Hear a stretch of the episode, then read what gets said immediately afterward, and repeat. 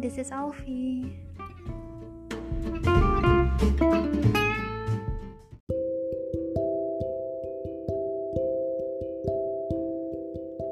I never wish for big surprise, long love letters, midnight fun. I just wish for my little gestures to be appreciated. I just wish for my stories to be heard. And and I just wish that someone out there is happy with everything that I am, with what I can give, and with who I'm becoming.